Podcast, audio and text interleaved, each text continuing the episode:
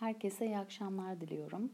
Mahremiyet Seminer dizisinin bu akşamki bölümünde sizlere beyin işlevleri açısından mahremiyet anlatmaya çalışacağım. İsmim Doktor Büşra Sümeyye Arıca Polat, nöroloji uzmanı olarak görev yapmaktayım.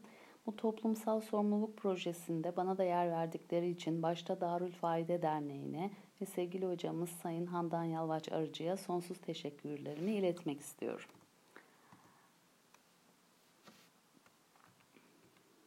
Mahremiyet Arapça haram kelimesinden gelmekte. Türk Dil Kurumu'na göre gizlilik şeklinde ifade edilebilir. Yani bir şeyin gizli hali, bir şeyin gizli yönü şeklinde olduğunu açıklayabiliriz. İlişkilendirildikleri kavramlar ve hissedilen yoğunlukları bakımından kültürler arası farklılıklar görülür. Toplumdan topluma, kültürden kültüre, dönemden döneme farklılık gösterir. Beyin işlevleri açısından mahremiyeti değerlendirmeden önce kısaca beyni incelemek lazım.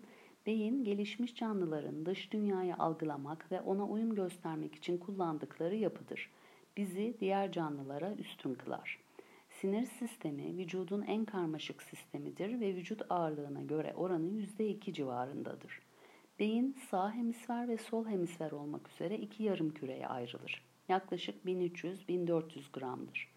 Girus ve sulkuslar aracılığıyla toplam yüzey alanı arttırılmıştır ve bu şekilde öğrenme, bellek, düşünme, olaylar ve bellek arasında ilişki kurabilme, gelen duysal uyaranlara karşı sosyal kurallara uygun davranabilme ve zeka başta olmak üzere pek çok bilişsel fonksiyondan sorumludur. Sağ beyin ve sol beyin yani hemisferlerin birbirinden farklı görevleri var. Sol hemisferin daha çok seri olayları ve öğeleri birbirini izleyen olayları algılamaktan, okumak, yazmaktan sorumlu olduğunu, sağ hemisferin ise yüz ifadelerin yorumlanmasından tutun da olayları eş zamanlı yorumlamaktan sorumlu olduğunu söyleyebiliriz. Beynimiz esas olarak dört ana lobdan oluşur. Frontal lob, parietal lob, temporal lob ve oksipital lob. Bütün bunların alanları birbirinden farklı ve belki mahremiyet eğitiminde en önemli olan frontal lobtan biraz sonra daha ayrıntılı olarak bahsedeceğiz. Ama temporal lobun da konuşma ve duymadan, konuşulan dili anlamadan sorumlu olduğunu, parietal lobun duyuları işlemeden, aritmetik yeteneklerden sorumlu olduğunu, oksipital lobun ise görsel bilgiyi işleme ve okumadan sorumlu olduğunu söyleyebiliriz. Frontal yani ön lob kafanın ön bölgesinde yer alır beynin yaklaşık üçte birini oluşturur. Frontal lob problem çözme, karar verme, kurallara uyma, planlama, plana göre hareket etme, yürütme, basamaklı düşünce, sıraya koyma, yargılama, strateji değiştirme, değişen kural koşullara adapte olabilme, davranış esnekliği, içgörü halinde canlandırma, hayalinde canlandırma, olayların muhtemel uzak sonucunu kestirme ve işlem belleği gibi pek çok bilişsel becerilerden sorumludur. Aslında frontal lob ahlaki yargıların düşünme merkezi olarak ele alınabilir. Sosyal sorumluluk gerektiren amaç yönelimli harekete geçme ve liderlik özellikleriyle ilgilidir. Bütün bunlardan anlayacağımız gibi insanı insan yapan özelliklerin büyük bir kısmından sorumlu beyin bölgesidir diyebiliriz. Frontal lob kendi içinde motor, premotor ve prefrontal korteksten oluşur.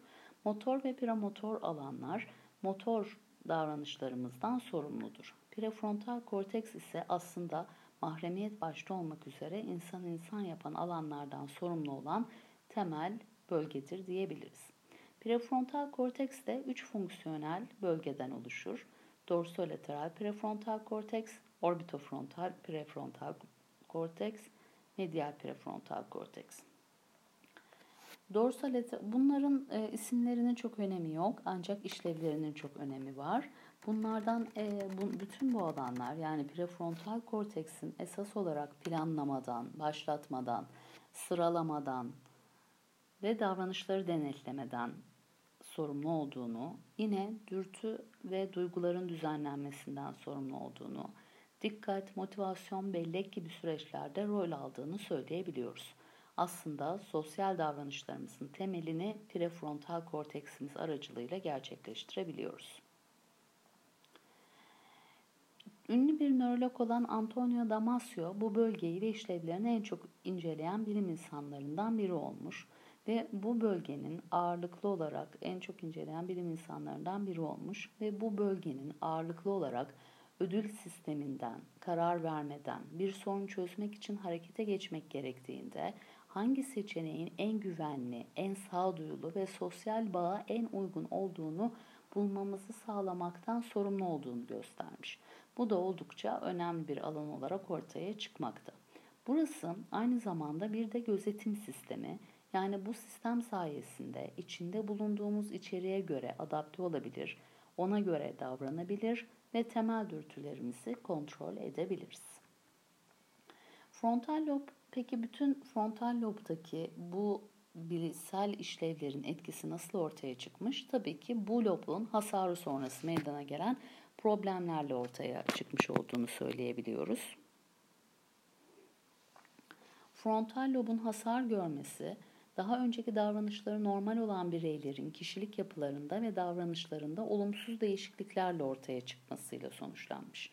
Yani bu kişiler frontal loblarını aldıkları hasardan sonra bu kişiler bu kişilerde etrafa karşı ilgisizlik, tepkisizlik, umursamazlık, apati, sorumsuzluk, başkalarını dikkate almama, pişmanlık hissini yitirme, davranış bozuklukları, uygun olmayan sosyal davranışlar, cinsel olarak uygunsuz davranışlar, amaç belirleme, uygun yanıt tarzının seçimi, ilgi azlığı, toplumsal uyumsuzluk ve dürtü kontrol bozukluğu gibi rahatsızlıklar göstermiş. Frontal lob hasarı olan kişilerde aynı zamanda disinhibisyon ve itkisellik dediğimiz impulsivite durumları ortaya çıkmakta. Disinhibisyon, bir kişinin hareketlerini kontrol etmesine normalde yardımcı olan utanma ve mahcup olma duygularının kaybolması.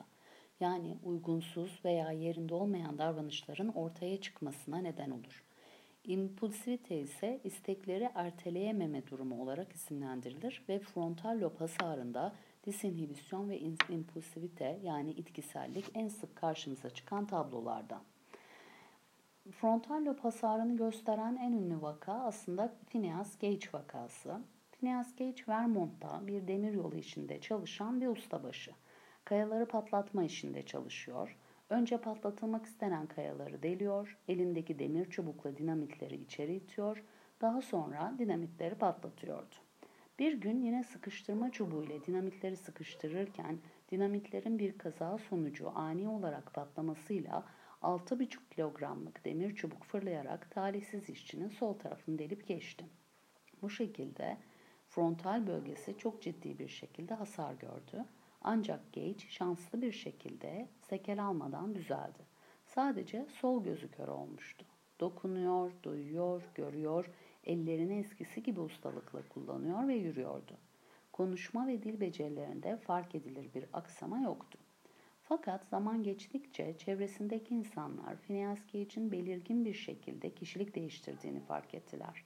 Kazadan önce sorumlu, düzgün, ılımlı, enerjik ve çalışkan biriyken kazadan sonra başka bir insan haline bürünmüştü. Kaba, ahlaki değer yargılarından yoksun, küfürbaz, istekleri engellendiği zaman tahammülü olmayan ve gelecek ile ilgili tutarlı bir planı olmayan, hiçbir konuda da makul karar veremeyen bir adam haline gelmişti. Bütün bunlardan dolayı işindeki eski verimliliğinden de eser kalmayınca işinden kovulmuştu. Phineas Gage'in tedavisiyle ilgilenen Doktor Harlow, Phineas Gage hayatını kaybettikten sonra ailesinin de onayını alarak Gage'in kafatasını ve demir çubuğunu almıştır. Bütün bunlar şu anda Harvard Üniversitesi'nin Warren Anatomy Müzesi'nde sergilenmekte.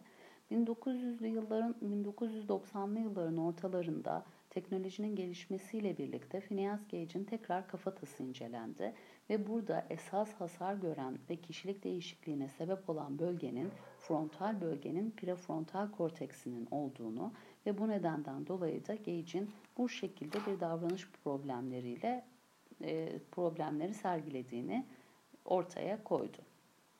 Bunun dışında aslında savaş e, savaşlar sonrasında, savaş yaralıları sonrasında ortaya çıkan bazı hasarlar da yine frontal korteksin sosyal davranışlarımızı ne kadar çok ilgilendirdiğini göstermekte. Özellikle ön bölgeye yani frontal bölgeye darbe, darbe alan kişilerin davranış değişikliklerinin olduğunu ve sosyal normlara kolaylıkla adapte olamadıklarını ortaya koyan pek çok çalışma var. Bunun dışında azılı katillerin manyetik rezonans incelemelerinde yani MR görüntülerinde frontal loblarında ciddi yapısal anormalliklerin olduğu görülmüş. Yine EKG'lerinde, e, yine EEG'lerinde yani elektroensefalogramlarında beyindeki elektrik akımının e, azal, beyindeki elektrik akımının e, nöronal hiperekstabilite dediğimiz ve aksama bozukluğu dediğimiz pek çok bozuklukla ortaya çıktığını göstermiş. Kronik alkol içicilerinde de frontal işlev bozukluğunun olduğunu gösteren çalışmalar mevcut. Saldırganlık davranış gösteren ergenlerde yapılan çalışmalarda ise frontal loblarda kan akımının azaldığını ve daha glikoz tüketiminde de bir azalma olduğunu saptamış durumda olduğunu söyleyebiliriz. Antisosyal kişilik bozukluğu olan kişilerin de yine frontal loblarında hasar olduğu gösterilmiş. Bütün bunlardan gördüğümüz üzere aslında frontal lobun sosyal becerilerde ve bizi biz yapan özelliklerde çok önemli bir yere sahip olduğunu söyleyebiliyoruz. Sadece frontal lob mu? Hayır tabii ki. Biraz önce de bahsettiğim gibi temporal lob ve temporal lobda özellikle özelleşmiş singulat gyrus diyebiliriz. Bu da bir sorunun altından kalkma, dikkatini kaydırma, bilişsel anlamda esnek olma, uyumlu olabilme, sosyal dayanışma kurabilme ve bir fikirden diğer fikre geçebilme, seçenekleri fark edebilme, değişiklik ve yeniliğe uyum sağlama becerileriyle ilişkilidir. Limbik sistemde yine duygusal davranışları ve güdüleri kontrol eden nöral devrelerin tümünü kapsar. Frontal lob, temporal lob ve limbik sistem bütün bu beyin bölgeleriyle birlikte bir entegrasyon içerisinde halinde çalışır ve birbirlerinden bilgi alışverişini sağlamış olurlar. Sinir ağı gelişimi, merkezi sinir sistemi hücrelerinin gelişmesi, büyümesi ve etkinliğinin genişlemesiyle öğrenme ve adaptasyonla birlikte bağlantılarında değişikliklerin meydana gelmesi dediğimiz bir nöroplastisiteden sorumlu. Eskiden beyin hücreleri öldükten sonra yenilenmediği ve ölen beyin hücrelerinin yerine yenisinin almadığı bilinirdi. Ancak artık biz bu bilgiden oldukça uzaklaşmış durumdayız. Yani nöroplastisite kavramını önemli vurgulamak gerekir. Merkezi sinir sistemindeki hücrelerin geliştiğini, etkinliğinin genişlediğini, bağlantılarında değişikliklerin meydana geldiğini ve adaptasyon gösterdiklerini biliyoruz. Bu bağlamda da aslında biraz önce bahsetmiş olduğumuz beyin bölgelerinde de bir nöroplastisite kavramıyla birbirleriyle çok iç içe geçmiş davranışların olduğunu söyleyebiliriz. Mesela bir belli, bir çalışma yaparken, herhangi bir alanda çalışma yaparken o alanın dışında yapılan çalışmalarda da aslında beyin bölgelerinin etkilenmiş olduğunu, aktivasyonlarının artmış olduğunu gösteren çalışmalar var. Mesela bir bellek etkinliği yapıyorsunuz. Bellek etkinliği yaptığınız zaman beyninizde hem belleğin olduğu alanların aktive olduğunu gösteriyoruz. Hem de aynı zamanda mesela dikkatin de e, dikkatin kodlandığı beyin bölgelerinin de aktive olduğunu gösteriyoruz. Bütün bunların hepsi bize nöroplastistenin ve beynin içerisindeki o müthiş an ne kadar etkili olduğunu göstermekte. Peki mahremiyet eğitimi de bu bizi biz yapan davranışlardan biri. Buna ne zaman başlamak lazım? Gelişim en son tamamlanan bölge frontal lob. Bu sebepten bireyin sosyalleşmesi ileri ergenlik döneminde tamamlanır. Ne kadar erken başlanırsa ve mümkün olduğu kadar ne kadar çok devam ederse aslında e, frontal loblarımızı da bu şekilde geliştirmiş olmak uygun olacaktır. Mahremiyet eğitiminde kentlerin idrasından hareketle iki yönü olduğunu söyleyebiliriz. Birincisi bilişsel yani daha çok zihinle ilgili öğrenme alanına işaret eder. İkincisi ise duyusal. Bu iki boyut yeterli ve dengeli beslendiğinde, düzenlenmiş bir çevreyle etkileşime sokulduğunda istenilen davranışa dönüşebilmekte. Bundan dolayı aile, okul, diğer sosyal çevrenin yapısının önemi daha iyi anlaşılabilmekte. Çünkü bu üçü de çocuğun davranışlarını değiştirmede etkiye sahip. Mahremiyetin beyindeki işlevlerini araştırırken okumuş olduğum şu cümle beni oldukça etkiledi. Mahremiyet eğitimi almış kimseler içlerindeki saldırganlığa hükmedebilir ve yeterince açık, duyarlı bir insan olarak çevrelerindeki insanların duygularını kolayca algılayarak onlara saygı gösterebilirler. İşte aslında tam bu noktada bizim az önce bahsetmiş olduğumuz nöroplastisitenin görevli olduğunu söyleyebiliriz. Yani siz aslında bir bireye mahremiyet eğitimi verirken aynı zamanda onun saldırganlığına yönelik daha doğrusu az önce e, bahsetmiş olduğum itkiselliğine yönelik bir alanı da düzeltmiş oluyorsunuz. Yine aynı şekilde yeterince açık, duyarlı bir insan olarak çevrelerindeki insanların duygularını kolayca anlayabilmesini, birazdan bahsedeceğim gibi zihin kuramını da e, geliştirmiş oluyorsunuz diyebiliriz. Zihin kuramı dedim. Zihin kuramı nedir? Diğerlerinin zihinsel durumlarını anlamak, onların davranışlarını bağımsız inanç ve isteklere atfederek tahmin etmek demek kendinden farklı bir bakış açısı olduğunu fark etmek ve anlamak demek. Bu da zihin kuramı aslında sosyal biliş kapasitesi olarak isimlendirilebilir ve insanı diğer primatlardan ayıran en önemli özelliklerden bir tanesidir. Zihin kuramı da yine az önce bahsettiğim medial prefrontal korteks, temporal kutup ve amigdala bölgelerinde kullanır. kullanır. Hem ahlaki duyguların hem de zihin teorisinin bireylerin toplumsal hayattaki uyumda benzer görevlerinin olması, her iki zihinsel işlevinde insanda diğer primatlardan gelişmiş olması ve benzer beyin bölgelerinin bu işlevlerden sorumlu olması, benzer nöral ağların bu işlevleri kontrol ediyor olabileceğini düşündürmekte. Sonuç olarak mahremiyet eğitiminin mümkün olan en erken evde başlaması, sosyal beceriler, problem çözme, karar verme, dürtü ve duyguların düzenlenmesi, planlama, davranış esnekliği, empati ve zihin kuramı gibi insanı insan yapan özelliklerin gelişmesinde faydalı olacaktır. İlginiz için çok teşekkür ediyorum. İyi akşamlar diliyorum.